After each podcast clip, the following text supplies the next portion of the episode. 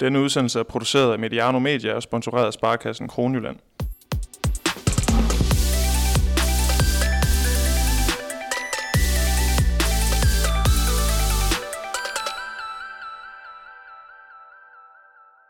Søndag blev den nye øh, danske mester i, i Dameligaen fundet, da København håndbold slog Odense i den tredje og afgørende finalekamp, og dermed nubbede øh, guldmedaljerne.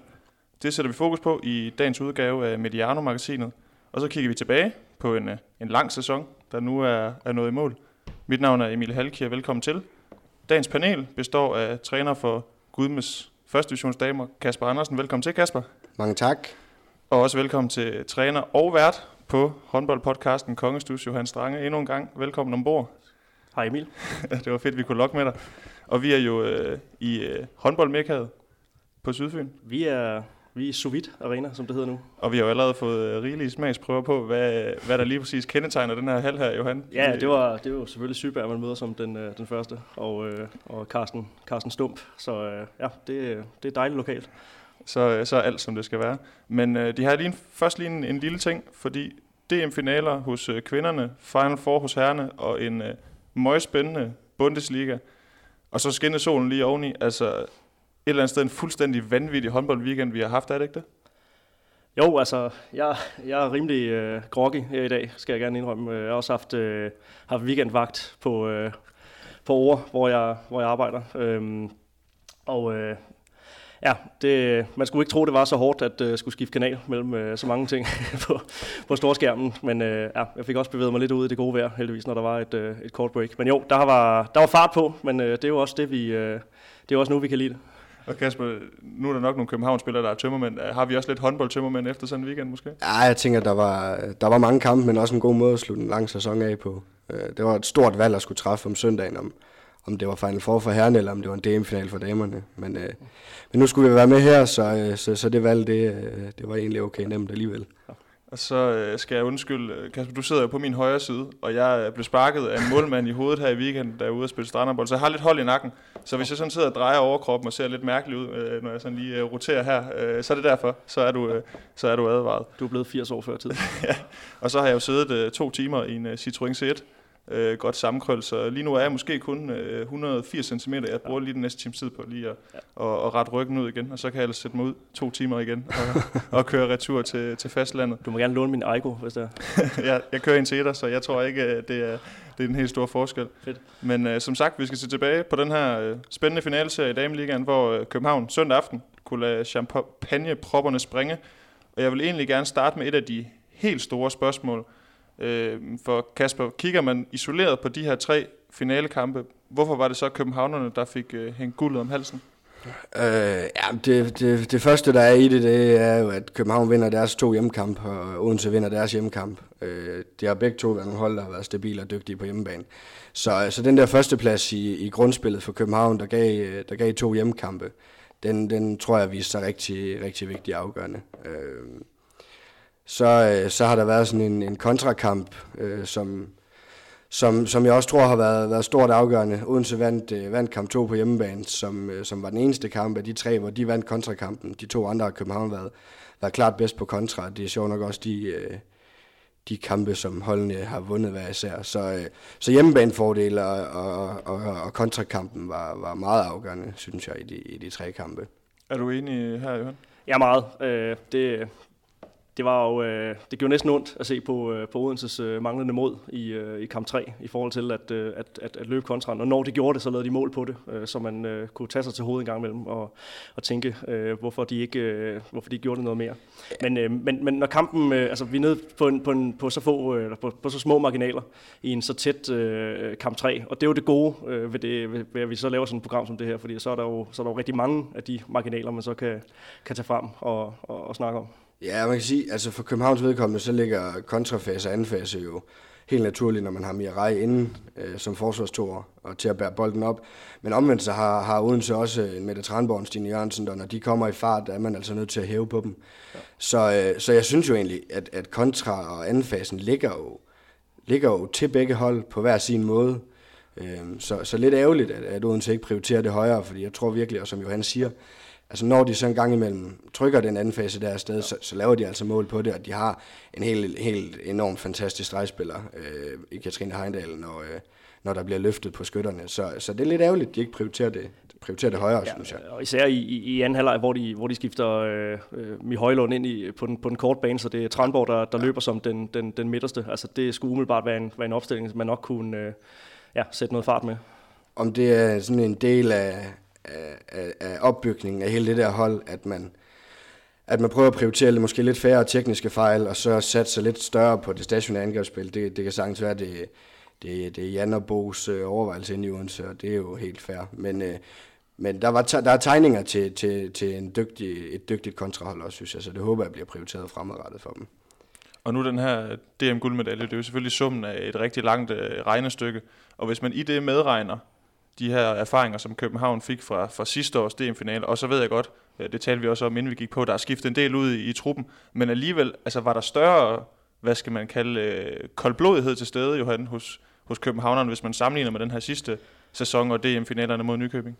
Større koldblodighed, større mod, vil jeg sige. Altså, øh, jeg, jeg hæfter mig også ved, øh, og det, det tænker vi, vi kommer til at dykke, dykke mere ned i, men nogle af de opstillinger, som, øh, som, som Claus Mogensen øh, sætter på banen. Altså det sidste angreb, hvor han faktisk øh, bytter rej ud med, øh, med, med Maja Kravballe, og hun laver et, øh, et afgørende gennembrud på ydersiden, som spiller Stine Knudsen fri. Øh, altså der, der er noget, noget, noget mod i forhold til at, øh, at, at ture gå bort fra, fra de faste syv. Øh, og det med bredden, det, det, øh, det, det, det kommer vi nok også øh, ind på her, men, øh, men det, er, det, det bliver et afgørende element, også i forhold til, øh, til, til hvem der, der, der producerer for, for de to hold. Jeg tror også, altså der er ingen tvivl om, det er sådan den ultimative leder på det København-hold af Mirai, og Mirai stod også i de der situationer, også i kamp 3 sidste år. Så der er ingen tvivl om, at, at hun som den ultimative leder har, har lagt noget på i, i forhold til erfaring og, og koldblodighed i forhold til at stå i de der situationer. Ja. Så måske ikke så meget som hold, men, men, men som profil og som leder, tror jeg, at Mirai har lært rigtig meget af det, og måske sikkert også Claus Mogensen, som, som også stod i den situation sidste år. Så jeg tror, at de, dem, der sådan stikker ud på, på, på ledelsen af det hold der, de har, de har helt sikkert lært noget af det. Og hvis man så vender øh, regnestykket om øh, og siger, hvorfor blev det så ikke øh, Odense, der, der hævede det her DM-trofæ? Hvad, hvad, hvad, hvad ligger der af årsager til det? Altså, hvor, øh, hvor ser I nogle tegn på, at, øh, at de havde problemer? Altså, hvis vi tager kamp 3 øh, isoleret set, så øh, jamen, jeg bliver nødt til at, at, at hive det her bredde øh, element frem. Altså, jeg synes, der bliver produceret alt for lidt fra, fra bænken. Altså, man snakker jeg synes ofte, at Odense bliver, bliver nævnt som et hold, der har høj klasse i øh, det har de også, øh, og de også har høj klasse i, i forhold til at, øh, at have bredde, altså at, at de, de er gode, fordi de har den, den bredeste trup. De får et mål fra bænken i en afgørende kamp 3, og det er Mie Højlund efter øh, tre kvarters spil. Øh, derudover så scorer Nadia Offendal to gange i kampen, det er begge to på, øh, på, på, på straffekast. Øh, omvendt så har, øh, så har København, de har, øh, de har 10 forskellige øh, målscorer øh, i, i løbet af kampen. Det er altså vel at mærke uden at Blomstrand og Johanna Alm, som, som øh, oftest er startende øh, backs. Øh, det har de så ikke været lige i, i, i, i kamp 3 her, men, øh, men, men det er altså to af, af de bagspillere, der også får mange minutter, som, øh, som, som ikke producerer mål. Men de laver altså 10, 10 øh, eller de har 10 forskellige målscorer øh, ud over de to, og det, øh, der, der, mangler, der mangler Odense, øh, at, øh, at de får noget, noget produktion fra, når de skifter på, øh, på, på højre fløj for eksempel. Ikke? Øh, at, at, der, at de får mål fra Maja Jacobsen, når, når hun bliver sat ind. Øh, ja, nogle, nogle flere mål fra, fra, fra andre end, end Stine og, og, og Mette Tranborg. Ja, og så vil jeg lidt tilbage til den kontrakamp, fordi Odense her, når det, når det kører, så spiller de fantastisk stationært angrebsspil, men de har også perioder, hvor, hvor det er forkrampet, og hvor de har svært ved at finde vej øh, til mål. Og man kan sige, de, de perioder, de bliver, de bliver mega afgørende for Odense, når de samtidig ikke laver flere kontramål, end de gør. Øh, der kan man sige, at København har jo de samme perioder på det stationære angreb, men de løber bare kontran, så de skal nok få mål i de perioder alligevel, og dem, dem får Odense ikke. Og så er der en anden ting i forhold til Odense, som hvis målmand har stået helt, helt fantastisk i, øh, i slutspillet, specielt Sando har jo, øh, Altea stod også et fantastisk grundspil, men, men Sando har virkelig løftet sig som, som makker til Altea, de har stået fantastisk i, i, i slutspillet. Om bare sige, de, øh, de står ikke nogen stor kamp i, i går. Det gør Bunsen reelt heller ikke, men det sidste kvarter, der har hun store afgørende redninger, som, som i den grad også er med til at, til at tippe det ud til København. Men nu snakker vi omkring den her øh, bredde, Johan. Er det, er det fordi, at Pytlik spiller smalt, eller er det fordi dem, han så bringer, de ikke øh, får leveret varen i den her finalserie? Jeg kan man sige, han har også nogle starter, især på baksene, som, som, som virkelig leverer varen. Ikke? Øh, og vi har en, en øh, vi har også en Quintino øh, på, øh, på højre fløj, som, som leverer en, en rigtig flot kamp 2 især. Øh, så så man, kan selvfølgelig, man kan heller ikke klandre ham for at sige, okay, nu står vi i den sidste afgørende kamp, øh, og, og, nu, lægger, og nu har vi en, en, en, en startsyver, der, hvor der er rigtig mange, der, der fungerer, så selvfølgelig holder vi, holder vi fast i dem. Det er Maja Jacobsen ser jo næsten ikke øh, banen, øh, blandt andet fordi Tranborg, hun, hun, hun, hun producerer øh, rigtig flot. Men, øh, men det er klart, altså der kommer der kommer for lidt øh, produktion fra en, fra en Mi Højlund, øh, for eksempel. Ikke? Øh, ja, det gør der. Men ja. jeg vil faktisk sige, jeg synes, øh, Jan har været god til at spille med bredden i løbet af hele sæsonen, mm. hvor jeg faktisk nogle gange har undret mig lidt over, hvad, hvorfor han skifter øh, Bækhøj og Freja kort på venstrefløj, for eksempel, og skifter Østergaard Quintino på højrefløj, når, når Freja og, og, og den, der nu er startet på højrefløj, har faktisk har spillet øh, 30 gode minutter, så har han skiftet alligevel. Så jeg synes faktisk, set over hele sæsonen har Jan faktisk været god til at spille med bredt. Maja Jacobsen har også spillet mere, end hvad jeg troede, hun ville, når hun har været klar. Mia har været skadet en, en stor del af sæsonen, har ikke været klar, men efter hun har været klar, har hun også øh, fået en hel del minutter sammen med Offendal. Øh, så man kan sige, angrebsstreger og angrebsvensterbak, der har der ikke været skiftet meget, men der er heller ikke meget skift med. Øh, men ellers synes jeg faktisk, at Jan har været god til at spille med bredden ind til kamp 3. Øh, og der tror jeg bare, og det, det, det tror jeg, der er mange, der vil gøre, det kan jeg godt sætte mig ind i, at der siger man, okay, der har vi så meget kvalitet på de her positioner, så der satser vi på, at det, det er dem, det, det, det er landsholdsspillerne, det er dem med erfaring, det er dem med det højeste topniveau, der kan bære ansvar i sådan en kamp. Øh. Og vi dykker lidt øh, dybere ned i de tre finalekampe øh, lige om lidt. Øh, nu lader jeg ud med, med at spørge jer til, hvad der ligesom øh, set over de tre kampe her var, var årsagen til, at, at København vandt guld. Hvis vi så gør den her spændingskurve lidt længere, altså faktisk trækker den tilbage til, til sæsonstart og ser på, hvad skal vi sige, hele 2017-18 sæson som helhed, øh, Kasper, hvorfor er det så, at København vinder det her guld, hvis vi øh, ser øh, over den brede kamp, altså over hele sæsonen? Det er lidt nogle af de samme argumenter, som vi har været igennem, men, men hvis man skal være så stabile, som København har været over en hel sæson, så skal man spille med mere end 7-8 spillere. Og det har, som Johan har, har pointeret, det har København været god til. Øh, så synes jeg, at København har haft en profil i Mia Reis, som, har spillet, som også har spillet en stabil sæson, som ikke har haft udfald på, på flere runder, hvor hun ikke har, har, kunne, øh, har kunne tage det ansvar, der skal til. Så, øh, så den store bredde med mange spillere, som har kunne byde ind. Øh, to rigtig dygtige spillere på højre bak, to dygtige spillere på venstre bak. Øh, Mirai har så spillet en, helt, en rigtig stor del.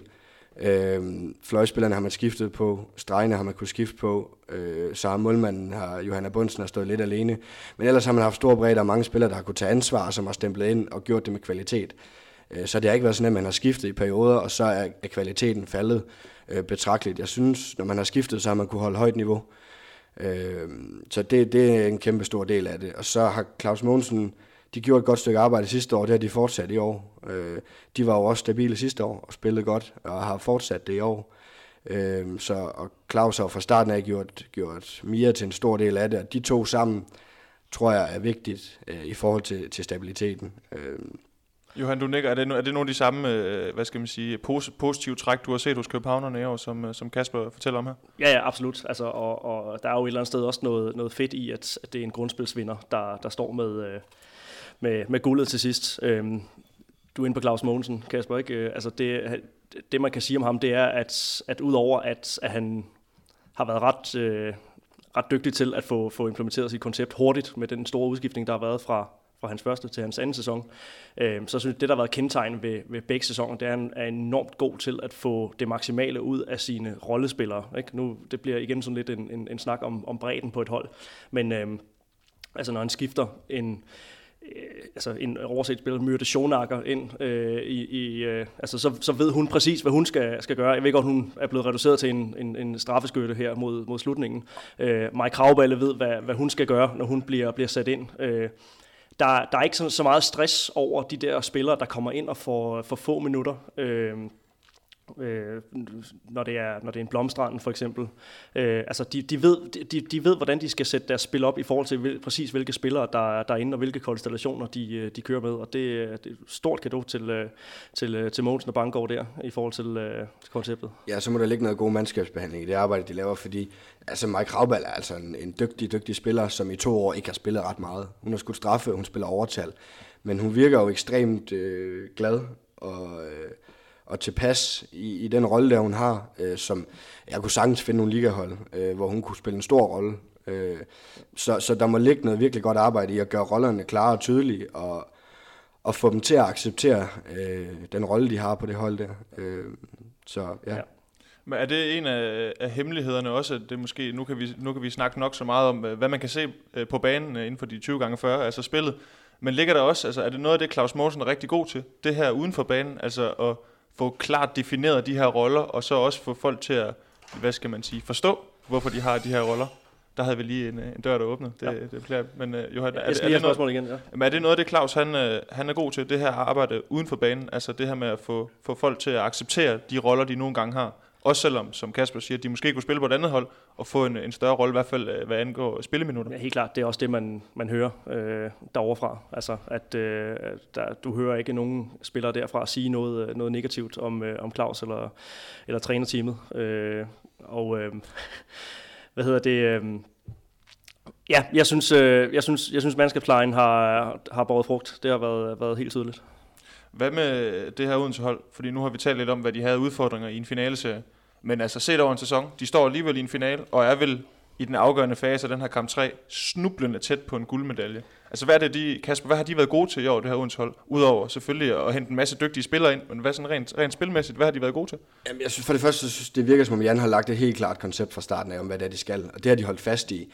Jeg sige, fra, fra sæsonen startede og, og ind til nytår, der så det skidt ud. Og øh, og øh, al, al den snak, der gik i medierne og i kredsene rundt omkring i håndboldverdenen, det var jo ikke, der var ikke ret mange positive ting, man kunne hive op omkring øh, Odense.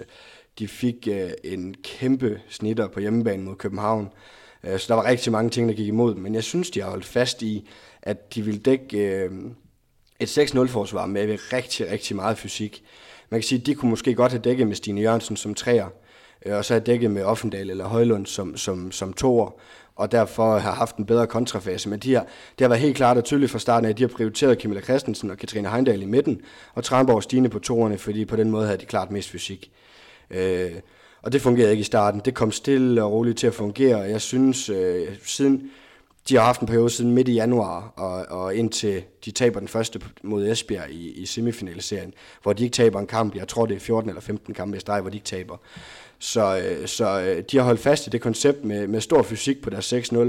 Og jeg synes egentlig, de har været gode til at være aggressive og ture og tage noget højde i banen, og ikke bare, selvom det kunne man måske godt langt hen ad vejen, stå mellem 6 og 7 meter og, og dække på parader med, med, med store spillere. Så har de prioriteret at få noget højde, få noget aggressivitet, selvom det ikke fungerede i starten. Og det er de ikke gået væk fra. Øh, det har de holdt sig til. Og så har de jo angrebsmæssigt øh, også prioriteret at spille på, med, med, med noget stort krydsspil, hvor de har prøvet at få sat Stine og Mette i nogle situationer, hvor de kunne skyde, eller spille to mod to med Heindal. Og så har Offendal og Højlund, efter hun er kommet tilbage, kunne ligge og spille noget duelspil på de rum, der, der er blevet åbnet efter krydsspillet. Øh.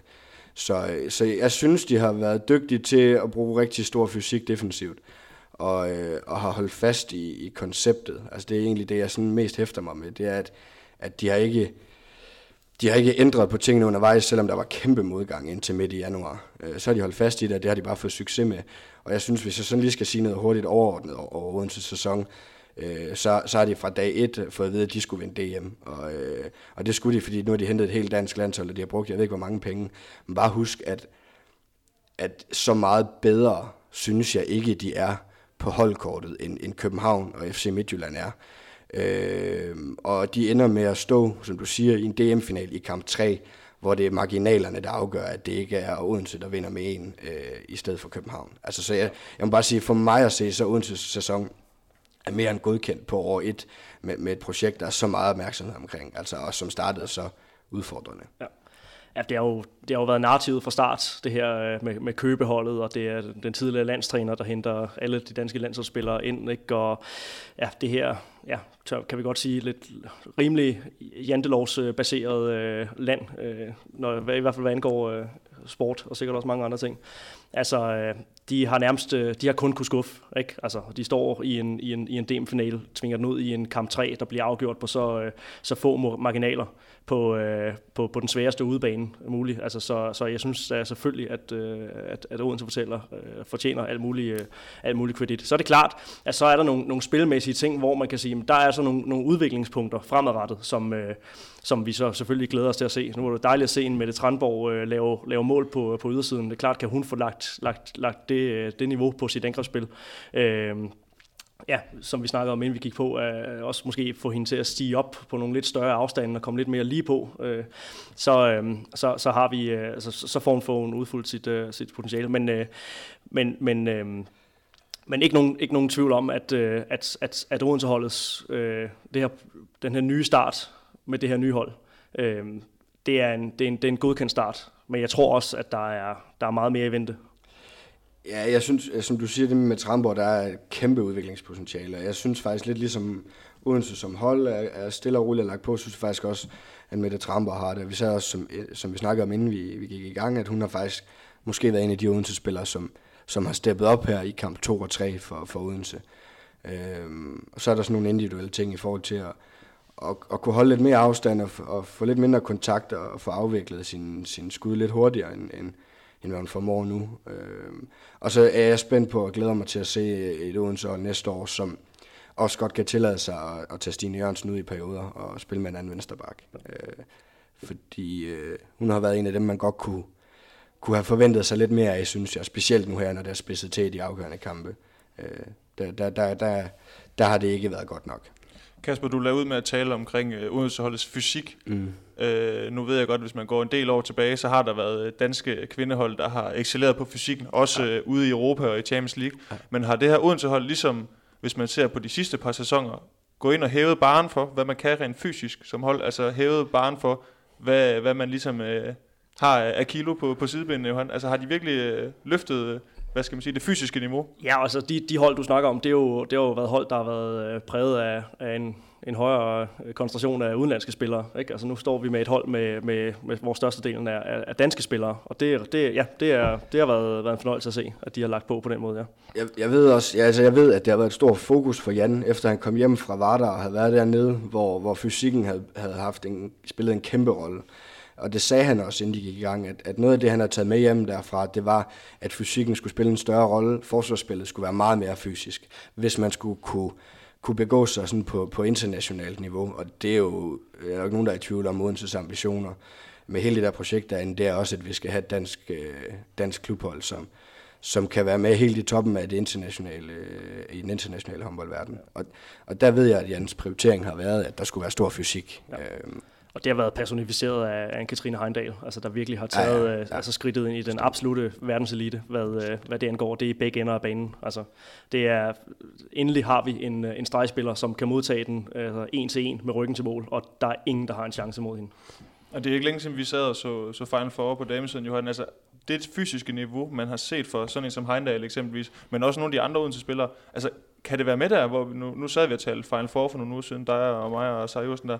Altså, er, er vi allerede derude, at de har øh, kiloene til det? Altså på det parameter, så, så, så ja, så nærmer vi os. Altså, men så er der så en masse andre spilmæssige ting, hvor at, at vi stadigvæk er, er, er et godt stykke fra. Men det er klart, det er et sted at starte, altså fordi det er ofte det, som man betegner som, som, som det, der er den helt store afstand mellem os og, og, og, og ude i Europa. Ikke? Ja, altså, og så kræver det for at der er nogle flere med den fysik.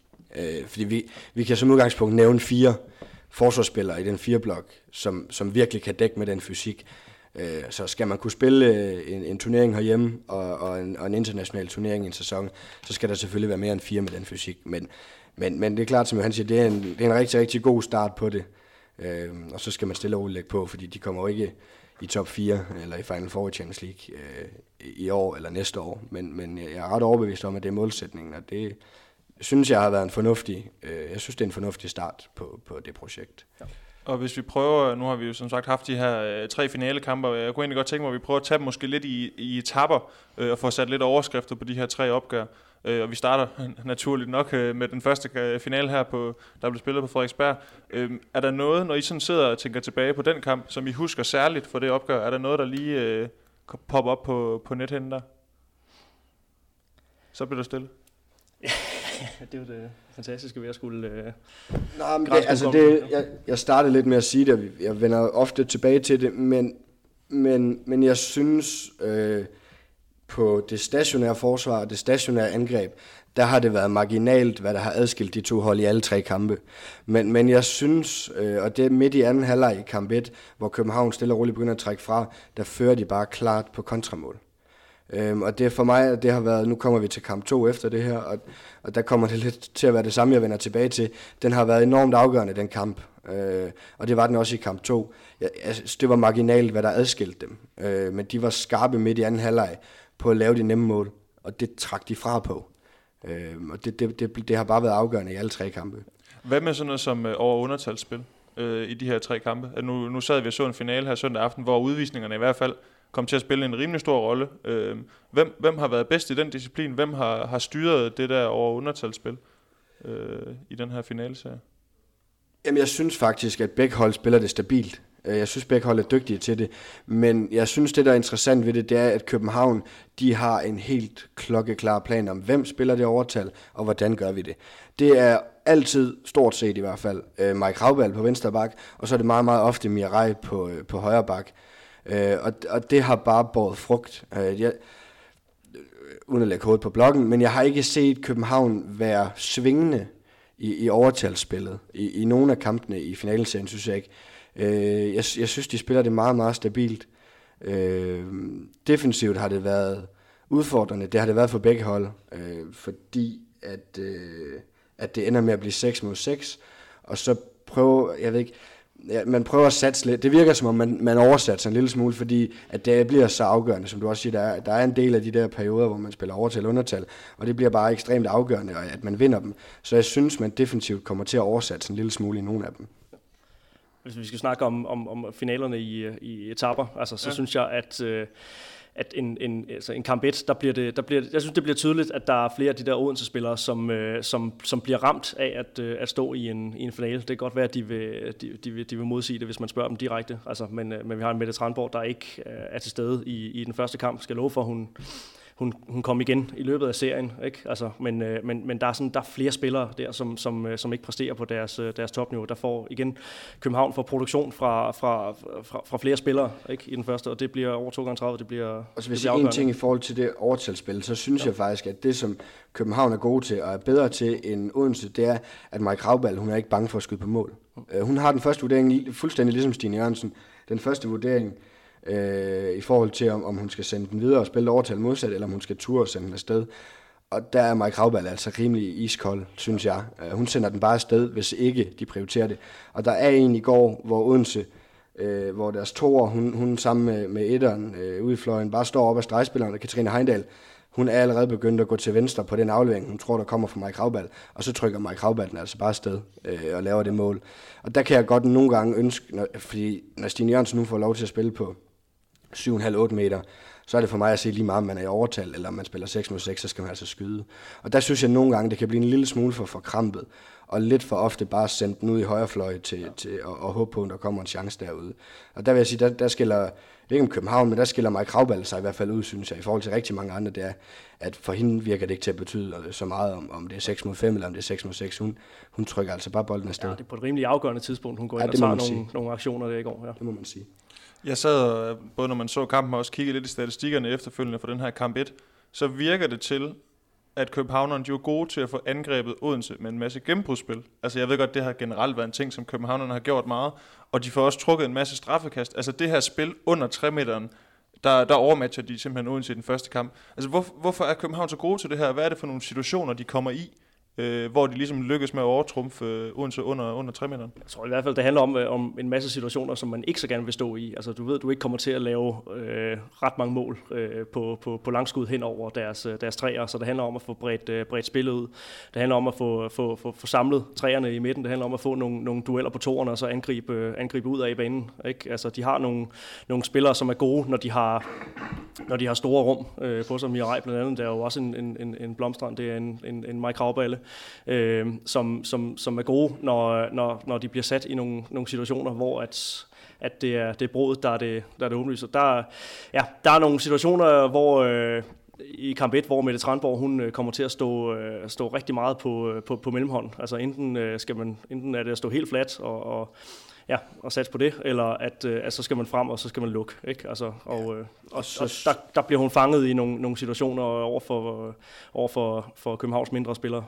Og så synes jeg, at København er dygtige til at bruge deres fløjspillere, fordi Odense kan ikke tillade sig at gøre det alt for kompakt og stå alt for smalt, fordi de, de, de er gode til at få de bolde i hjørnerne, og de fløjspillere, de sætter altså bolden ind, selvom det er, er Sandor og, og Reinhardt, man skal skyde på, så, øh, så sætter de altså bolden ind. Så Odense er nødt til at stå øh, forholdsvis bredt i banen, øh, for ikke at øh, de fløjspillere de får alt for meget plads. Så jeg synes, Odense er god, eller undskyld, København er dygtige til både at bruge øh, fløjene, de er dygtige til at bruge deres stregspillere, og når der så kommer øh, så tilpas meget rum, så er Mirai dygtig til at vinde hendes dueller, eller trække opbakning og spille boldene videre. Ja. Og der er jo netop øh, sådan en spiller som Stine Knudsen, der laver 5 på 5 i den første finale ja. der, så det, det er jo et meget godt billede på det her med, med fløjene. Øh, der har også været meget fokus på, nu har vi også talt lidt om hende allerede, Stine Jørgensen. Altså den første finale, hun laver 4 på 10. Jeg ved godt, hun øh, har fire assists, tror jeg, i den kamp. Men stadigvæk, altså, og det har været generelt billedet i den her finale hun har været god til, som hun har været hele sæsonen, og, og gør sine medspillere gode. Men personligt, hendes personlige succes, hendes skud, hendes øh, udnyttelsesprocent, den har ikke været god nok. Øh, hvad er det, hun har manglet, øh, Kasper? Hvad, hvor, hvad er det, ligesom, der har været hendes problem? Jamen, jeg, jeg synes, altså for det første, så det, jeg tror, du sagde, hun har lavet 11 mål øh, sammenlagt i de tre finaler inden, ikke? Og, og, og hun har spillet 3 gange 60 minutter. Øh, måske afbrudt af et, et par udvisninger en gang imellem, men ellers har hun spillet fuld tid på venstre bak. Der, der, der, der skal man lave flere mål end 11 mål på tre kampe. Og så synes jeg, at øh, Stine Jørgensen er blevet en lille smule for forudsigelig på hendes øh, skudafvikling. Øh, København har været dygtig til at lægge nogle parader, som Bunsen hun har kunne gå på. Så når Stine hun har stedet op og knækket til venstre, jamen så har hun ikke formået at kunne sende den modsat. Øh, hun har skudt alt for meget lige ud, øh, og det er blevet for forudsigeligt. Fordi som du siger også på den statistik, det er jo ikke fordi hun ikke har afslutninger. Hun brænder bare for meget. Og jeg, jeg synes, at, at det har været for forudsigeligt og for mange afslutninger lige ude i banen, som, som paradespilleren har kunne holde, og som Bunsen bare har kunne gå tidligt på. Øh, det, det synes jeg har været det helt, det, det, helt, øh, det helt store tema, at det har været for forudsigeligt, hvor hun, hvor hun har vel afsluttet henne. Jeg fornemmer også, Johan, som, som Kasper siger, det er også lidt, det er også Københavnernes fortjeneste, at hun ikke øh, spiller op til det niveau, vi, vi ved, hun, hun har, og også har gjort, øh, specielt på landsholdet.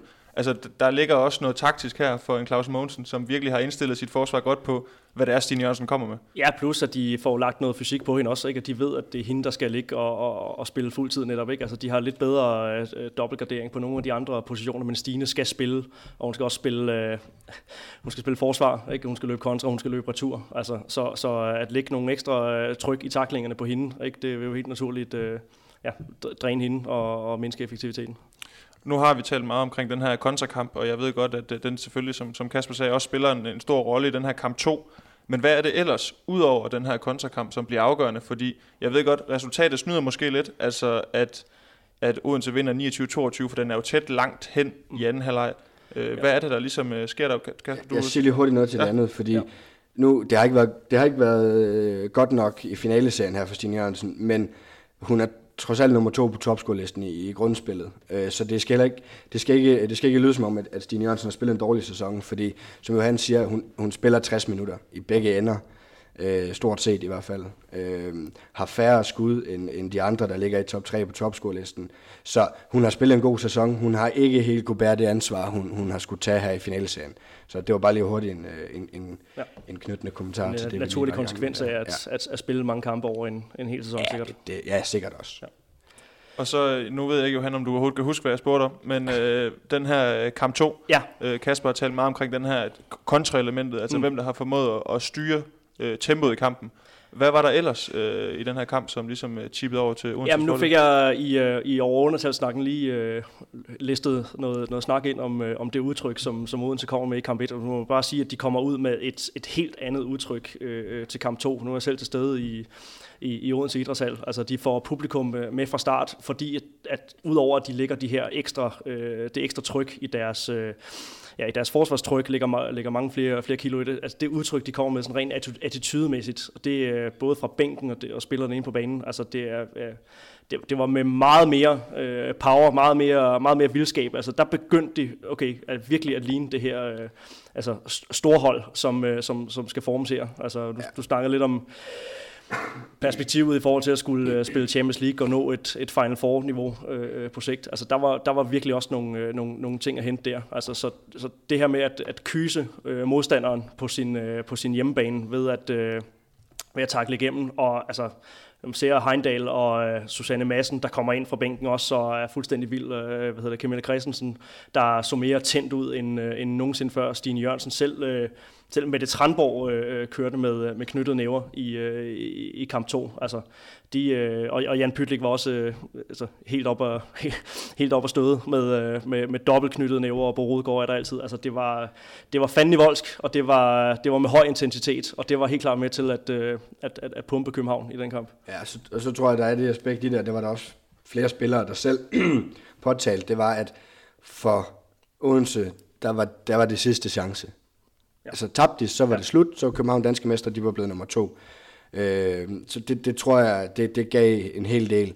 Og det gjorde det også den anden vej rundt, tror jeg. Altså København, øh, ikke fordi de ikke gerne ville blive danske mester den dag, det tror jeg gerne, de ville, men der lå det, det virkede også, som om det lå en lille smule i baghovedet, at der er en chance mere. Og altså, vi har en kamp 3 på hjemmebane, præcis, hvor vi ved, vi er stærke. Præcis. Ja. Og så vil jeg sige, i forhold til øh, det, som du kommenterer på, Johan, i forhold til udtrykket og indstillingen, så må man bare sige, at den kontrating der, som jeg bliver ved med at vende tilbage til, den giver altså rigtig, rigtig meget til alt muligt andet end måltavlen. Fordi det der med, at der står 4-4 efter 12 minutter, og så laver man tre hurtige kontramål. Mm. Hallen inde i Odense, den eksploderer. Ja. Øh, bænken eksploderer, og man lige pludselig på halvanden minut kommet foran med tre mål, og de andre de går og hænger lidt med hovedet, og det er fandme tungt at lukke sådan tre mål ind. Det giver helt sindssygt meget. Øh, så, så jeg tror, både for måltavlen, men også for attituden og indstillingen, og, og den der blod på tanden, der giver sådan noget der, sådan en lille kort periode, hvor man lige laver et par nemme mål og trækker en lille smule fra, det, det giver meget, giver rigtig meget. Ja. Og så har begge, begge Odenses målmænd har nogle, øh, nogle fantastiske redninger. Jeg har ikke lige øh, procenterne foran mig, ikke? Men, de, men det er også øh, det er en ting. Altså det, er, det er de redninger, de så får. Altså, Øh, Sando starter, starter rigtig flot og har nogle, øh, nogle, nogle helt frie øh, afslutninger ind over, som, øh, som hun redder. Og har nogle udkast til, øh, til, til Quintino, altså nogle af de her nemme mål, som du øh, snakker om, som kan få en, en halv i gang, ikke? Altså, mm. hvor, øh, hvor hun excellerer. Så, så, så skifter de lidt, øh, det virker lidt underligt, at, øh, at, at de skifter øh, sådan relativt tidligt, øh, og det er Jan, der tager den beslutning, og ikke, øh, ikke Gitte Sunsen. Øh, og så kommer Altea ind og har et... Øh, ja, et, et rigtig, godt, øh, rigtig godt indhop der. Altså, så de får også noget fra, fra, fra begge keeper. Og det var også det, jeg i starten siger, at i, i slutspillet havde de haft to målmænd, som virkelig stod på højt niveau. Ja. Jeg må bare sige, at det er altså også en, en, en kompetence at have på et hold, at man kan tage Emily Sando ud øh, og sætte Altea Reinhardt ja. ind. Ikke? Altså, det, en, det, det er der ikke mange, der en kan En luksus, som øh, København så ikke har haft i, i serien her. Præcis. Øh, det kan også give noget andet, at man ved, som Johanna Bundsen, man ved, jeg skal stå godt, mm. fordi ellers så vinder vi ikke, fordi det vi har på bænken, det er nu 18 målmand, ja. som, som, som, som formentlig i hvert fald ikke går ind og stjæler billedet. Det var lidt ligesom Aalborg håndbold for herrene sidste år, ikke? hvor ja. Øh, ja, Arkefors var, var ja. ene målmand i, i ja. finalserien, men det lykkedes alligevel. Ja.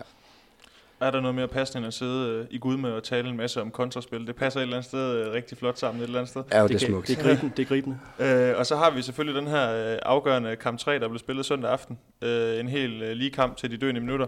Og København de formår ligesom at gå fra, fra 6-10 til den her pausestilling 12-11. Og det er så i samme periode, hvor TV2 de vælger at have lidt knas med signalet. Ja. Og derfor vil det jo et eller andet sted jo han til evig tid være en hemmelighed, hvad der lykkedes for, for københavnerne i den periode. Ja, lov for play, vil jeg sige. ja, men, men ellers, altså, hvad er det, der ligesom er afgørende elementer i den her tredje finale, som vi og så øh, søndag aften? Jamen, vi vender tilbage til nogle af de, øh, de, de, de, de samme ting igen. Altså, øh, det, for det første, det er, det, det er sindssygt marginalt. Altså, der, der er rigtig mange, øh, rigtig mange ting i det. Altså, men, men, øh, men, men København begynder for alvor at få, øh, få styr på deres, øh, deres, deres forsvar mod, mod slutningen af, af, første halvleg. Øhm, og, og få gang i deres, deres kontrafase der, så de får et rigtig godt run op til pausen. Øhm, der bliver taget en, øh, en, en timeout, øh, jeg tror det var stillingen øh, 10-8 til, til Odense, efter cirka 21. Øh, og, øh, Odense scorer sig på et efterfølgende angreb, men, øh, men så vinder København så 4-0 øh, de sidste øh, syv minutter op mod, øh, op mod pausen. Og på det tidspunkt, der, øh, der har Pytlik så skiftet øh, Heindal og, øh, og, og Offendal. Offendal havde fået en, en rigtig fin øh, start angrebsmæssigt. Øh, godt nok øh, kun scoret på, på straffekast, men får sat, øh, får sat Tranborg og Jørgensen rigtig, rigtig øh, godt op. Øh, Mi Højlund kommer ind og, og, og spiller rigtig stresset i den periode der, øh, så, så Odense får ikke afviklet deres angreb øh, specielt godt. Taget nogle lidt, øh, lidt dumme afslutninger, lidt hurtige afslutninger, øh, og København kan, kan få noget mere base i deres øh, forsvar, øh, som, som så giver base for, ja, for deres, øh, deres kontraspil. Ja, og så er der, jeg tror det er fra 35 eller 38 minut, der, der får Odense fire udvisninger på 10, 11, 12 minutter. Og, og nu har vi lige siddet og snakket om overtals- og undertalsspil, og, og, og mod et, øh, et stabilt overtalshold som København, så er otte udvisningsminutter inden for ikke ret, ikke, ikke ret lang tid. Det, det er hårdt at skulle igennem. Øh, og den, den, den, er, den periode bliver afgørende, fordi ja. den er ikke ret hård for København. Nej. Øh, de sparer lidt kræfter, de spiller stille og roligt, de skal ikke knokle for målene. Ja så kan de løbe ned og, og lægge, lægge en masse fysik i angrebet, og efter den periode, så komme ud med lidt fornyet energi på angrebsdelen og være klar til at knokle for målene igen. Ja, fordi det er jo ikke, det er jo ikke fordi København trækker afgørende fra i, i, i, i den periode, men, øh, men det bliver bare en vigtig investering til, øh, til, til slutminutterne. Men de vinder alligevel de der 10-11 minutter med fire, tror jeg, ikke? Ja. Øh, og går fra minus 2 til, til plus ja. 3 eller 4. Ja, Odense kommer så tilbage. Ja, ikke? Altså, og, det, og det vil jeg så sige, ja. det er jo billedet på mere eller mindre hele kampen. Mm. Det er, at det bølger frem og tilbage. Øh, plus 2, minus 2, plus 3, minus 3. Altså, Odense kommer jo rigtig godt fra start og foran 9-5, ikke? Og det henter København stille og roligt ind. I anden halvleg, så har Odense plus 2, så, så går der 5-6 minutter, så har København pludselig plus 2, ikke? Mm. Så den bølger jo ja. hele tiden frem og tilbage. Og bare sige, det, til sidst, det er jo marginaler, der afgør det, ikke? Ja. Altså. Men så igen det her med, med, med, med målmænd, og, og så er procenterne lidt mindre vigtige, men de redninger, man får, øh, på den måde, de kommer på, og de tidspunkter, de kommer på, ikke? Og så har Bunsen bare nogle, nogle helt, altså Heindal helt fri indover, øh, øh, Højlund er sted øh, på ydersiden i gennembrud, som, øh, som hun piller, øh, ja, som bliver afgørende. Og der er vel også nogle... Øh af de helt lange udkast for en Bunsen, som også... Øh ja, og det, jeg sad, nu da vi så snakkede om kamp 2 og gik over til kamp 3, så sad jeg lige og tænkte over det, fordi jeg, jeg tror ikke, kontrachancerne i kamp 2 er meget større, end de er i kamp 3. Mm. Men, men lige så snart, specielt i starten, da Sando stod i kamp 2, lige så snart hun har en redning, så har hun fat i bolden og kigger på det, og har to-tre lange afleveringer. Man kan sige, altså, de skal altså ligge helt præcist, for at det lykkes. Men dem sender hun bare afsted. Og det må bare sige, i, i kamp 3, der er to-tre gange, øh, hvor de har muligheden for bare at sende den afsted, hvor de holder i den og lægger den ud og, og går den op og spiller det stationære angreb igen. Så det der med at ture, og det kan godt være, at det er fordi nu står der 1-1, og nu er den afgørende for begge, og i kamp 2, der skulle Odense ja. vinde. Der var de nødt til bare at sætte alt på et bræt, gå 100% efter en sejr. Øhm. Jamen det er det her med modet, ikke? Altså Bunsen har et udkast til, til Bond til, øh, til 23-22 en 7-8 minutter før tid, ikke? Som er fuldstændig altså, ligesom ja. dem, Sando smider et par stykker af til Quintino Præcis. i kamp 2. Altså dem smider København bare i kamp 3, og det gør Odense ikke. Og man kan sige, København vinder med en. Ja. Og vinder kontrakampen med fire eller fem mål, tror jeg. Ja. Så altså, så det, det er det der med mod og tur og smide de bolde, det gjorde de i kamp 2 Odense, det gjorde de ikke i kamp 3. Og mens vi sad og så øh, den her guldkonfetti dale ned øh, for luften, så blev Mia jo interviewet af Stine Bjerre til TV2. Og her fortalte øh, København-profilen om, at øh, hvordan hun ligesom efter de tabte finalerne sidste år, tog hjem og trænede, undskyld mit franske, røven ud af bukserne og, øh, her i sommerferien. Og så siger hun også, at hun selv synes, hun har spillet en gudesæson i år. Øh, en håndboldspiller, der roser sig selv i, de, i store vendinger, det er et eller andet sted lidt uvandt.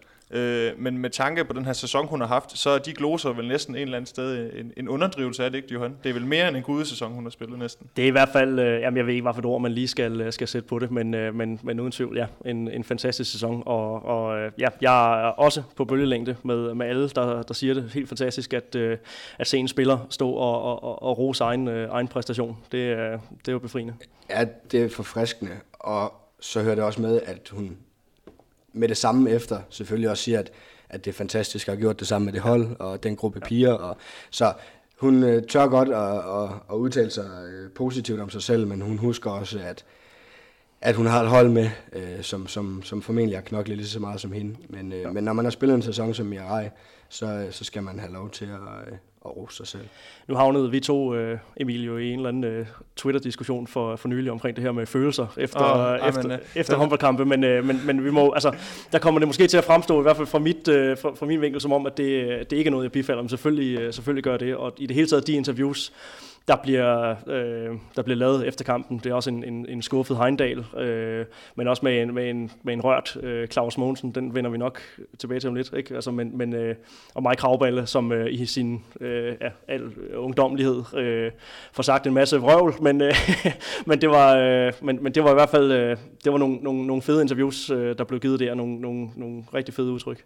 Jeg tror, øh, for at tage den, så jeg, jeg forholder mig egentlig ikke til, om om jeg kunne lide de her, før, de her interviews efter kampen. Jeg, jeg sagde egentlig bare, at man skal huske, hvilket format det er, og at tv det er lidt nogle andre mekanismer. Klart. Øh, og så er det selvfølgelig altid fedt at få følelser. Det er jo også Bestemt. derfor, vi, vi vælger at se håndbold. Bestemt. Øh, men for at holde fast i Mia Reis, så kan man sige, at hun slutter ligesom med en statistik, der hedder 176 mål, 98 assist, og så vinder hun den her MEP-statistik, ja. øh, som ligesom øh, summer op, øh, hvem der har været den bedste spiller, hvis man kan sige det sådan. I hvert fald på, øh, på de offensive Ja, i hvert fald på de offensive ja. kvaliteter, ja.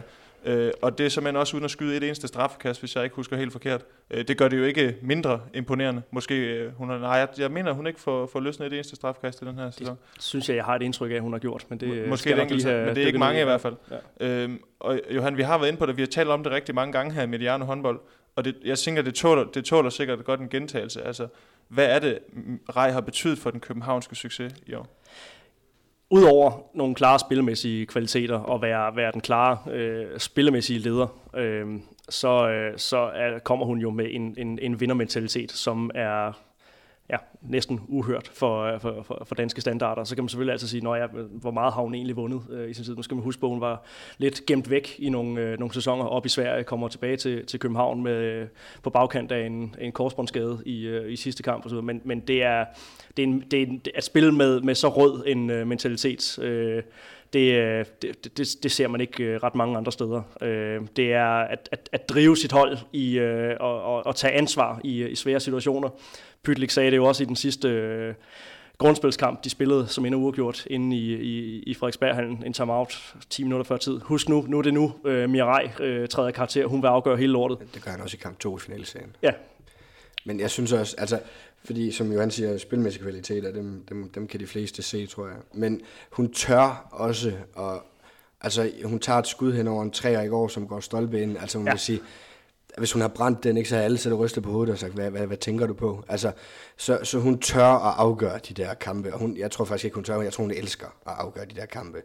Øh, og i kamp 2 i en timeout med 10 minutter igen, hvor de er ned, helt nede i sækken, der går hun ind og råber og skriger, og det holder sig, nu skal vi altså lige nogen, der vil det her, vi skal slå ihjel for det, vi, vi kan sagtens hente det. Ja. Så jeg tror, hun betyder alt for det der hold der. Øh, både på, på, på det spillemæssige og på det ledelsesmæssige og alle de ting der, så, så er hun en kæmpe profil ja. og en gave. For... Spiller, der går, går, går for sig altså den, den, hun har den samme attitude på, når de, når de træner, altså stiller krav til, øh, til sig selv og stiller krav til sin, øh, sin holdkammerater, til sine trænere og til alle omkring sig. Ikke? Og det er jo en kæmpe drivkraft. Jeg tror, vi døbte, var det Mia Rej-tid, da vi sad op to, to, to sidst, de her sidste 10 minutter af kampene. Hvis vi sådan ser, uh, træder lige lidt væk fra de tre kampe og ser på det her i sådan et klubmæssigt perspektiv. Altså, hvad betyder det for København håndboldprojektet, at der nu kommer en titel ind på, på pokalhylden? Jamen, det er klart, det betyder altid øh, en hel masse for, for, for en klub, især en ny klub, øh, som, øh, som gerne vil også vil køre med nogle, nogle, nogle lidt store armbevægelser. Det betyder meget for selvforståelsen at få, øh, få, få titler i skabet. Nu har det været det har været en lang, øh, der, der, en lang proces, der er blevet bygget op til det her gennem nogle år. Det fik en, en katastrofal start, som Mirai også var inde på i sit interview. Øh, nu har de prøvet at stå i en DM-finale, tabt. Prøvet at stå i en pokalfinale, tabt.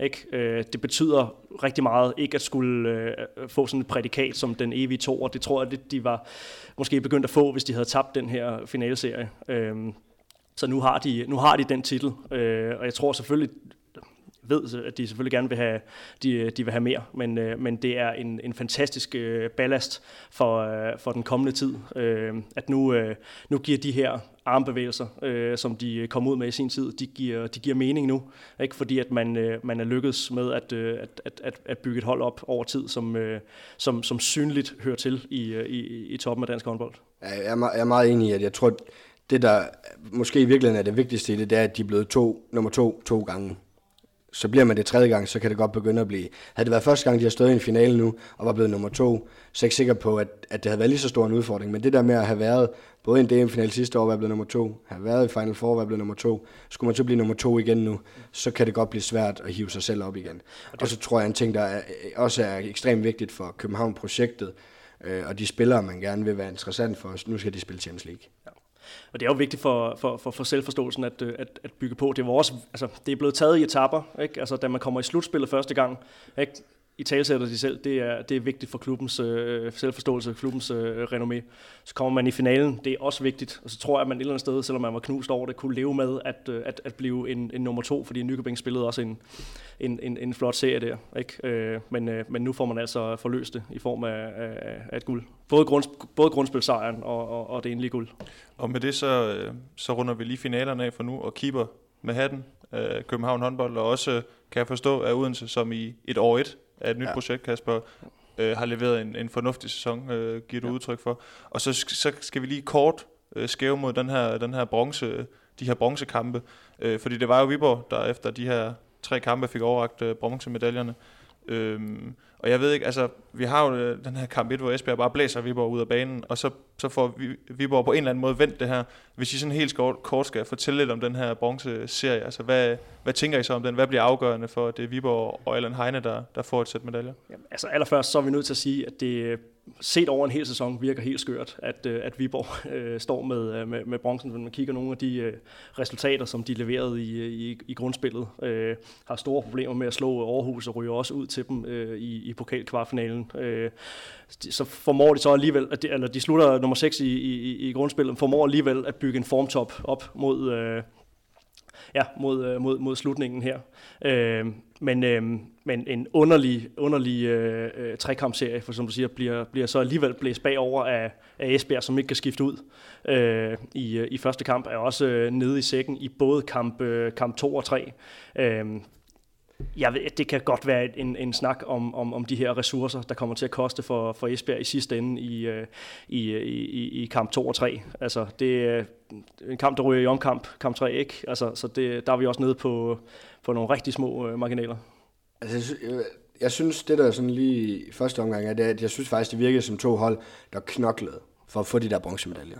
Og det synes jeg, det synes jeg var rart at se, at, at man ikke at man ikke var så ærgerlig og skuffet over en manglende finaleplads, at man ikke kunne hive sig op til at spille de tre kampe. Det synes jeg, det kunne. Det, det, det, må jeg, det synes jeg, begge hold skal have, have kado for. Når det så er sagt, så synes jeg, at Viborg på det spilmæssige øh, skuffer mig øh, i de bronzekampe. Øh, der, Esbjerg, de burde ikke have, altså Esbjerg burde ikke have en jordisk chance i de kampe der.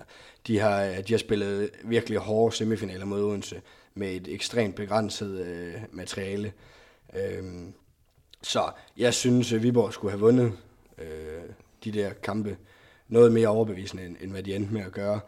Øh, at øh, Tim Esbjerg og Jesper Jensen så formår hele tiden at hive noget op af hatten, det kommer jeg også lidt tilbage til, når vi skal, når vi skal snakke positive og negative omkring sæsonen, kommer jeg tilbage til Jesper Jensen. Øh, men, øh, men, øh, men underholdende øh, var det jo, og spændende og tæt, øh, og fedt, at Tim Esbjerg tør med 10 sekunder igen i, i kamp 3 og prøve at sætte et web op for at afgøre det. Altså, det er jo sådan noget, vi gerne vil se. Bestemt. Og lad os da tage hul på det her med at se tilbage på øh, Dameligaen anno 2017-2018. Den sluttede jo søndag aften, øh, hvor vi fik øh, parkeret øh, pokalen i København. Øh, bare sådan en helt åbent øh, spørgsmål, I to. Hvad vil I huske tilbage på den sæson for? Sådan helt overordnet set, det tror jeg, vi er meget enige om. Ikke? Altså, så, så har det været kendetegnet ved en, øh, en manglende stabilitet for, for alle andre end, end de to finalehold. Øh, det har været en kæmpe rutsjebanetur for, for, for resten af ligaen. Øh, nogle skøre resultater øh, indimellem, og, og ingen hold ud over de to, øh, som, øh, som, som for alvor har haft en, en, en stabil kurve. Jeg er helt enig. Manglende, manglende stabilitet står også øh, som en stor overskrift for mig øh, på nær hos, øh, ja. hos København og og team, eller hvad hedder det, hos Odense har haft det fra, fra midt januar og, og til, til, til i går. Ja. Øhm, ellers har det, så har det været, altså, det har været helt umuligt at forudsige. Altså FC Midtjylland taber tre gange til Silkeborg Vol, ikke? Altså, og taber med 11 mål i den ene.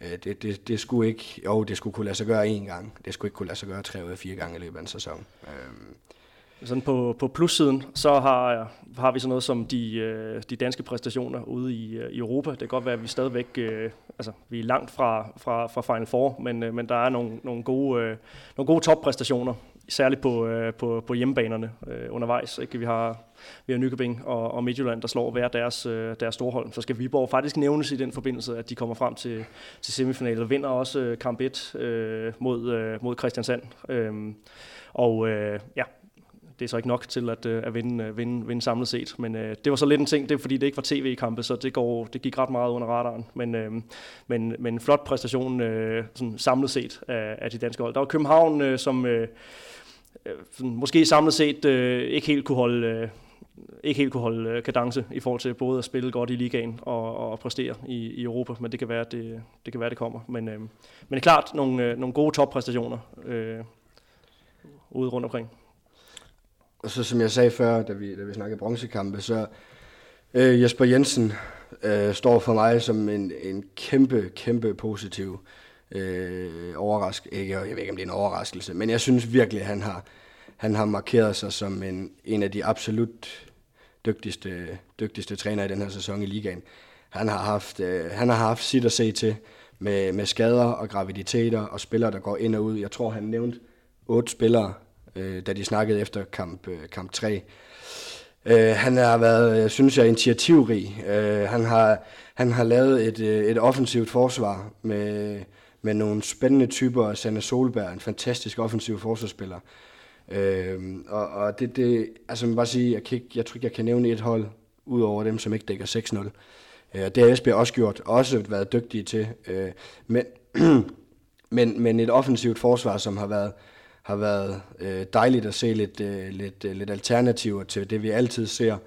Øh, så ved jeg godt, at han har været offensivt øh, tvunget til sikkert at spille 4-2 langt hen ad vejen.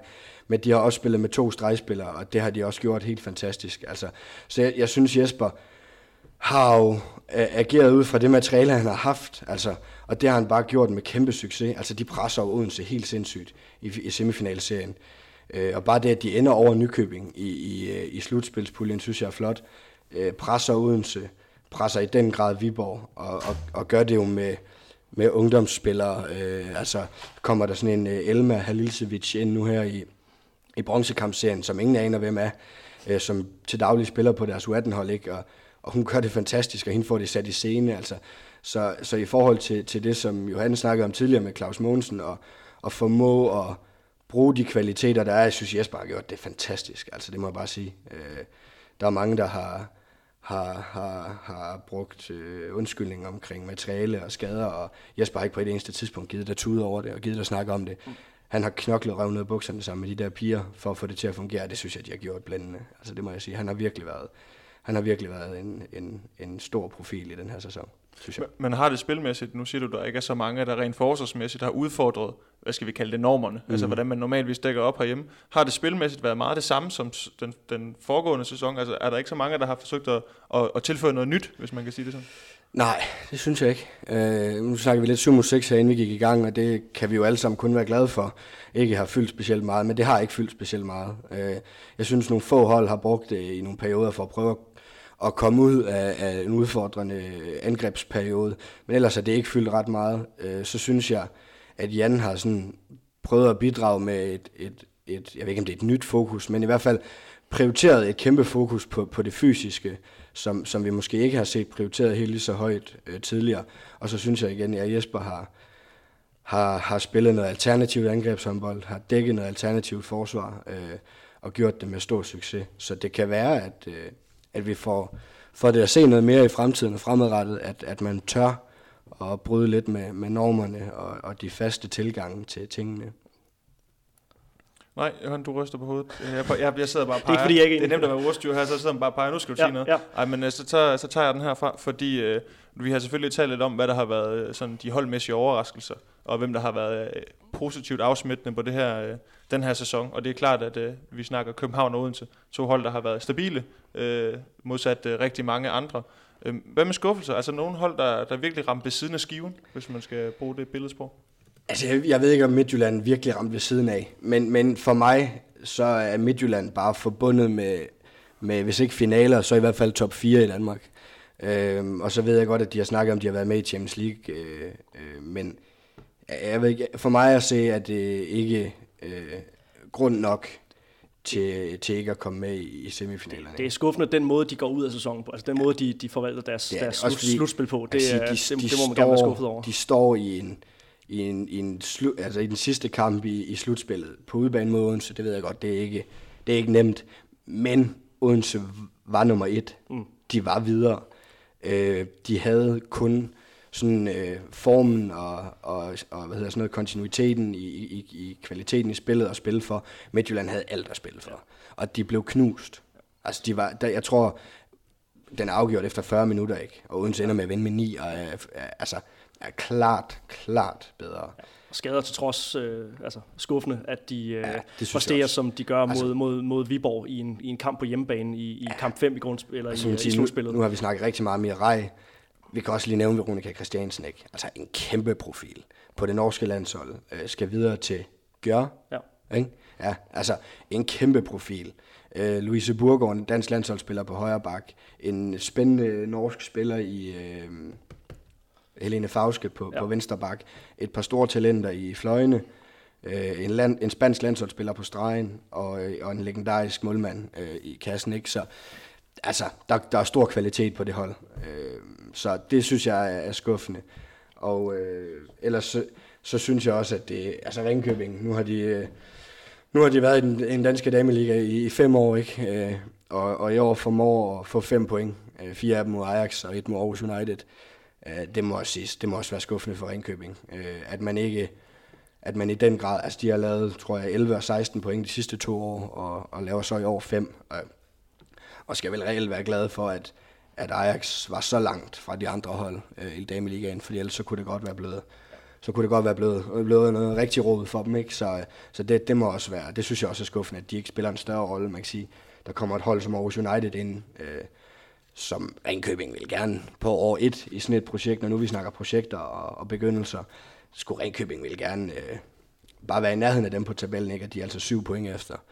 Øhm. Og så synes jeg, at den her, øh, apropos bunden af, af rækken, den her struktursnak med, med udvidelsen af ligaen, den kom pludselig til at, øh, at fylde en del også, øh, særligt øh, da man sad og så øh, ja, tilbage i, øh, jeg tror det var oktober måned, øh, kampen i Aarhus mellem Aarhus og, og Ajax, øh, hvor øh, og det, det er, jeg har stor respekt for, for Ajax og den måde, de har knoklet med deres, øh, med deres midler på osv. Øh, de formår at lave flere tekniske fejl end, end, end scoringer lige i, i den kamp. Øh, og øh, der, der, der, der tror jeg, vi var mange, der sad og tænkte, okay, skal der to hold op, der ringer end det der til næste år? Og øh, ja, nu, øh, nu bliver det selvfølgelig spændende. Det, så det er nogle, det er nogle, det er, det er nogle udmærkede sp- øh, spillere i Aalborg øh, forsamlet. Det bliver spændende at se Karen Brødskov som, som cheftræner og alt det der. Skanderborg øh, øh, tilbage med et, med et, et talentfuldt mandskab osv. der. Men, men øh, det, det, jeg kan godt blive, øh, blive bekymret for, øh, for kvaliteten på, på mange af kampene til, øh, til den kommende ja, sæson. Jeg, jeg tror ikke, der kommer to hold op, der er øh, dårligere end Ajax. Det tror jeg ikke, det gør. Øh, men jeg synes, altså både for Dameligaen, så er det ærgerligt, at nu, nu som jeg siger med Ringkøbing og, og Ajax, som, som ligger med 3 og 5 og med 7 point op til Aarhus og, og endnu længere op til, til Tvis, som er lige uden for slutspillet, at man skal udvide den gruppe, som er så langt fra de andre, det synes jeg er ærgerligt. Men det jeg egentlig synes er allermest ærgerligt i det, det er, at jeg tror, man, man kunne lave en, nu har jeg jo øh, selv sammen med Tændstik her i klubben, øh, dame, første division damerne, og jeg tror virkelig, man kunne lave en seværdig og spændende og fed første divisionsrække her i, i landet. Fordi der er rigtig mange unge talenter, som er enormt spændende, men som ikke er klar til det niveau, der er i dameligaen endnu. Og kunne man, kunne man øh, have dem på, på holdene i, i første divisionsrækken, så kunne man virkelig få en fed første division. Øh, må bare sige, at når øh, Aalborg og Ajax og Aarhus United og Tvis og, øh, og Skanderborg, som med meget begrænset økonomi øh, skal spille i Dameligaen, jamen så er det de spillere, de skal have. Øh, og der er bare nogle af dem, der kommer til at sidde meget på bænken og tabe rigtig, rigtig meget. I stedet for at spille... Mod hinanden. Altså. Mod hinanden, ja. men i stedet for at spille i en første division, som hvor de kunne, øh, hvor de kunne lægge øh, overlæggeren højt og vinde rigtig mange kampe og lære at være nogle vinder øh, og udvikle sig med, med, med 60 minutter øh, eller, eller deromkring hver weekend. i et år eller to, når man blev seniorspiller, og så kunne komme op og rent faktisk spille en rolle og være i nærheden af det niveau, der er på top 8-holdene og på top 8-spillerne. Øh, så jeg, jeg er bange for, at jeg er, ikke, jeg er ikke et sekund i tvivl om, det kommer til at gå ud over vores første division. Øh, det er jeg ikke et sekund i tvivl om. Og jeg er bange for, at der kommer for mange dårlige kampe i ligaen, og så er jeg bange for, at det går ud over de unge spillere, som ikke får det optimale ud af det. Du nikker, Johan? Ja, enig. Altså, det vil så også betyde, at man vil skulle skære lidt ned på, på, på, på første division, hvis, øh, ja, så hvis, hvis modellen skulle det med, hvis vi lige skal, skal fortsætte med at være kritiske i forhold til det der, så hører det jo med, at de udvider ligaen, og de gør første division mindre. Det er som en fair nok, at de gør første division mindre til 12 hold. Det der bare er i det, det er, at de holder fast i nedrykning og oprykningsspillet. Så man kan hvert år i første division skifte 7 eller 8 af 12 hold ud. Og det kommer bare til at betyde, at for de hold, som rykker op fra anden division, de skal være klar med det samme, de rykker op, for ellers så ryger de ned med et brag igen. Der kan være fem hold, der rykker ned hvert år. Så der er ikke, det- det bliver svært at få plads til projekter i klubber, som gerne vil over en periode blive et første divisionshold, og måske endda rykke længere og længere op. Det, det bliver der ikke plads til. Altså jeg, jeg er meget, meget glad for, at vi her i klubben rykkede op sidste år, og havde det her år til at gøre os klar. Fordi ellers så tror jeg, vi var røget ned igen. Og øh, nu må sige, nu har vi som, som oprykkerhold og lige præcis overlevet, øh, skabt os et hold, som vi ikke er et sekund i tvivl om, vi nok skal ligge i den rigtige halvdel af, af, af, af, af den tabel med. Men, men havde vi rykket op til den her sæson, så har vi ikke haft tid til at gøre det, som vi har gjort med et år i første division. Det er at vende os til rækken, vende os til niveauet, gøre os klar til et år nu, hvor vi, hvor vi nok skal være der. Altså, så de projekter, jeg er ikke sikker på, at du kommer til at være tid til dem. Altså, så jeg tror, man kan, man kan komme til at få alt for mange hold, som rykker op fra anden division, rykker ned, op og ned, op og ned. Altså, så jeg, for mig ser jeg rigtig mange negativer i det. Altså. Hvis vi lige skal... skal, skal Nej, men jeg ved ikke om, øh, for nu, det var egentlig et fint Ja. ja. sidespring, det er også meget interessant, og det er faktisk næsten noget, der er en hel øh, udsendelse det, er værdigt. det, det kan det være. Det kan Øh, den, den skriver vi lige øh, i kalenderen. Øh, men hvis vi sådan hopper tilbage i, i liga-regi, øh, nu har vi talt om store profiler, og det kan vi gøre i rigtig lang tid. Men er der ellers andre spillere, altså hvis vi kigger måske i laget under, er der nogen, som har taget nogle rigtig store spring udviklingsmæssigt? Nogen, som man måske ikke lige lægger mærke til, men som I har lagt mærke til? Ja, bestemt. Altså, jeg synes faktisk, og det er faktisk på et af fin- finaleholdene, jeg synes faktisk, at Nadia Offendal i den her sæson har taget et, et, et, et spring fra en, det man kunne kalde en, en gennemsnitlig øh, ligaspiller til at komme, komme op på, øh, på, på ja, blevet belønnet med en, med en plads i, i, landsholdstruppen til den, til den kommende samling her. Det synes jeg faktisk er, er fuldt fortjent. Selvfølgelig har hun gode spillere omkring sig, ikke? Men, men jeg synes også selv, hun har lagt, lagt øh, en, en, en masse lag på, og ja, er blevet en, en, en vigtig spiller for det her Odense-hold. Øh, I det hele taget mange playmaker. Vi har både snakket om både Mirai, du var også inde på, øh, på, på Veronica, som, øh, som jeg også synes fortjener et, et, et kapitel for en, for en flot sæson. Jeg synes også Sofie Bæk i, i Silkeborg, som, som drivkraften der, er, er værd at, øh, at fremhæve. Jeg havde ikke øh, set hende, da hun rendte rundt i, i, i- i Sønderjyske, at hun skulle blive en, en ligaprofil. Øh, det, er hun, øh, det er hun blevet, og en stor drivkraft for, for det Silkeborg-hold. Ja, og i forlængelse af playmakersnakken, så synes jeg jo, som en spiller som hende, Kristina Lisevic, der, der render rundt i Team Esbjerg, som, som ikke spillede noget ret godt grundspil, og havde svært ved at vende sig til, hvordan spiller man håndbold her, og man må bare sige i slutspillet, øh, og specielt efter, at øh, Pullman var helt ude af ligningen, og, og alle vidste, at hun kommer ikke til at spille i den her sæson, der må bare sige, at Kristina Lisevic, hun har virkelig lagt lag på. Og øh, jeg tror, det 4-2-spil der, det har passet hende rigtig, rigtig godt. Øh, hun kunne spille en masse med stregspillerne. Øh, det betød, at, øh, at holdene de blev mere defensive mod Team Esbjerg, fordi de var bange for at åbne for store rum til stregspillerne. Og så kunne øh, Lisevics nærskud, og det der med at, ligge og spille tæt på, og spille under 3 meteren og springe på nogle rum, øh, det har passet en helt suverænt. Så hende synes jeg har været en, en åbenbaring i, i slutspillet og i semifinalerne og i bronzekampene. Øh, og så synes jeg, hun gik desværre ud med en skade i løbet af sæsonen, men, men Ike Harder, øh, højrefløjen nede i, i Nykøbing Falster, har været, øh, har været en fantastisk tilføjelse. Både fordi hun har et højt niveau, og jeg synes faktisk, hun er ekstremt dygtig og urimeligt skarp på sine afslutninger, og har en, sådan, en meget atypisk afvikling på, på hendes øh, afslutninger. Og så synes jeg bare, hun er et sjovt input i den danske liga. Altså en helt anden kultur og en helt anden type. Det går også op på en fed måde. Enormt meget, ja, enormt meget bevægelse og energi i det, hun laver. Altså, ja øh, så hende glæder jeg mig til at se igen næste sæson sammen med en, en japansk landsholdsspiller på højre bakke også, øh, som, som de også har tilføjet ned i Nykøbing. Så det, det bliver spændende at se, hvordan den kultur øh, kommer til at, at, at, at udspille sig næste år. Jeg tror faktisk, det passer meget godt med Christine Christiansen og hendes øh, hurtige spil og tæt på forsvaret, øh, sammen med, med en højre bakke og en højre fløj, der er vant til det på det japanske landshold. Så det, det, det, det bliver enormt spændende at, at følge, synes jeg, tror jeg. Så selvom vi kun lige har øh, sparket øh, sæsonen til hjørne, så er der masser at glæde sig til. Virker det til? Ja, absolut. absolut. Det tror jeg. Odense lægger på og får lidt mere bredde. Øh, Nykøbing, som sagt, har tilføjet nogle, nogle spændende spillere. Øh, ikke, øh, der også, det også bliver rigtig spændende i København. Nu skal de spille Champions League. Øh, de tilføjer nok, øh, jeg er ikke helt klar over, om de allerede har tilføjet nogle profiler, men, men ellers kommer det nok i hvert fald. Øh, så øh, der sker nogle ting i Midtjylland. Det bliver spændende at se, hvordan øh, FC Midtjylland overgangen til IKAST Herning, eller, hvordan, eller Herning Herning IKAST. Øh, hvordan, hvordan kommer det til at se ud? Øh, Vi har Randers også, som har, får nogle, nogle spillere tilbage fra, Randers fra, også. fra skade og graviditet. Øh, altså Niels Asen har jo før vist, at han, øh, når han får tid til at bygge sine øh, sin, sin mandskaber op, øh, så kan det blive, blive rigtig spændende. Øh, de kom jo trods alt lige med, med hiv og sving i, øh, i, i slutspillet i år, spillede ikke rigtig nogen, nogen rolle og kom ikke rigtig til at drille. Øh, men, øh, men man må også formode, at det er et hold, der kan, der kan lægge lag på. Øhm, så det er jo ikke en diskussion, vi skal ind i nu her, men det bliver jo altid øh, desværre en, en, en spændende ting at se, øh, hvem der ryger ind i den store graviditetsmatrix. Øh, øh, så og hvad der lige får, øh, ja, hvad, hvad for nogle øh, magtbalancer, der lige bliver, bliver, bliver tippet. Øh, men øh, ja, den, øh, den, den, den sparker vi lige til hjørne. Øh, Ja, jeg tror, jeg, jeg tror helt sikkert, der, der er en mulig grund til Så at, som vi- øh, at glæde sig trods, trods udvidelsen. som vi lige har vendt, så har vi alle sammen negative briller, i hvert fald rigtig mange af os negative briller på i forhold til udvidelsen, men det bliver også spændende at se, hvordan, mm. altså hvad, hvordan kommer holdene, klubberne til at reagere på det der. Øh, det er jeg også spændt Ja. på at se.